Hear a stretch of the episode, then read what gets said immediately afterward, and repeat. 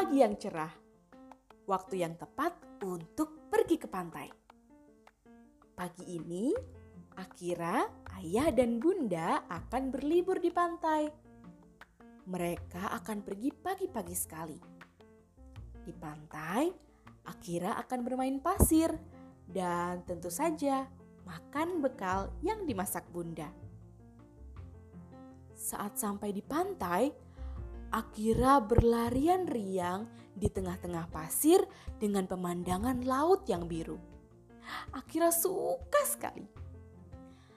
Hati-hati ya sayang, pesan bunda yang sudah membentangkan tikar untuk makan bersama. Akira duduk di atas pasir yang hangat sambil menikmati suara ombak.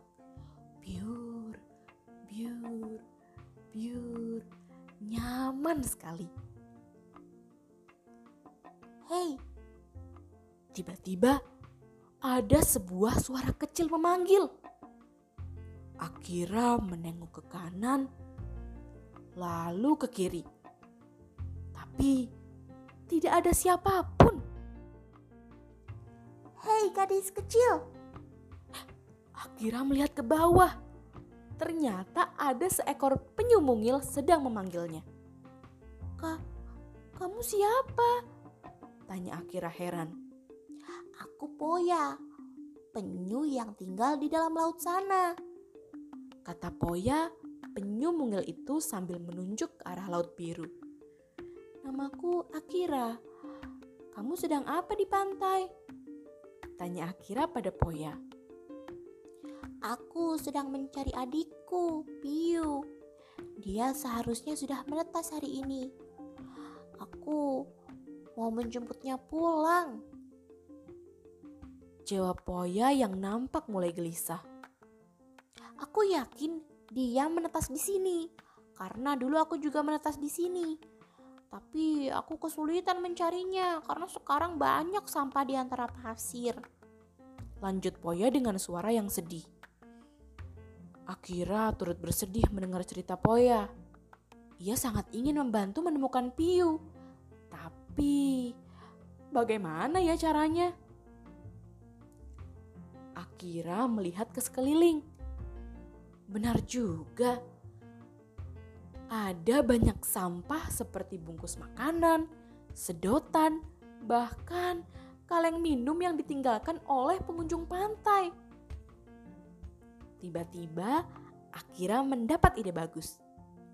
Poya, sebentar ya, Akira berlari ke arah bunda dan meminta kantong besar bekas yang disimpan dalam mobil.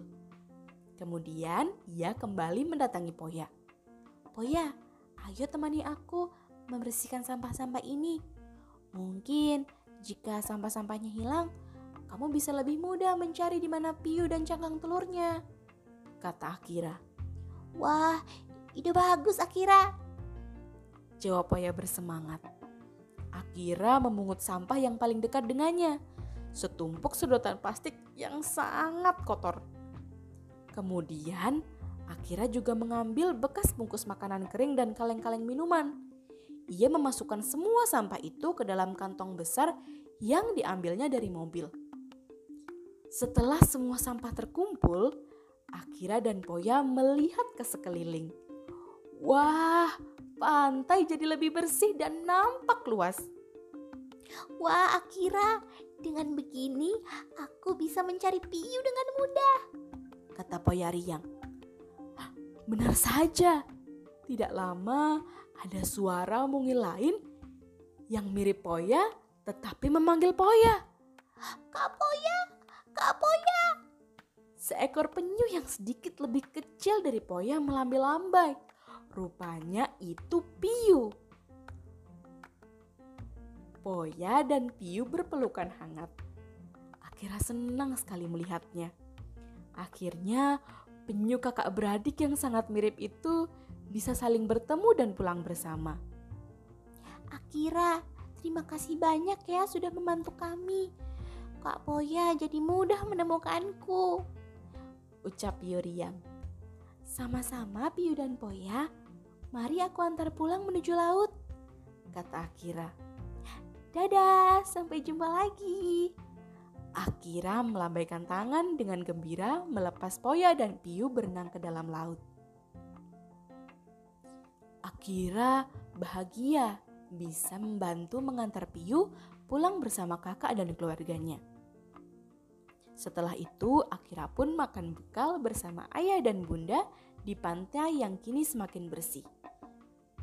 Ayah, bunda, Jangan lupa kita kumpulkan sampah sisa makanan ini ya, supaya adik-adik Poya dan Piu tidak susah cari jalan pulang. Kata Akira sambil menelan roti lapisnya. Ayah keheranan. Siapa itu Poya dan Piu? Hmm, teman-teman kecilku. Kata Akira sambil mengedipkan mata. Ayah dan bunda tertawa. Iya Akira, tentu saja anak ayah dan bunda memang pintar.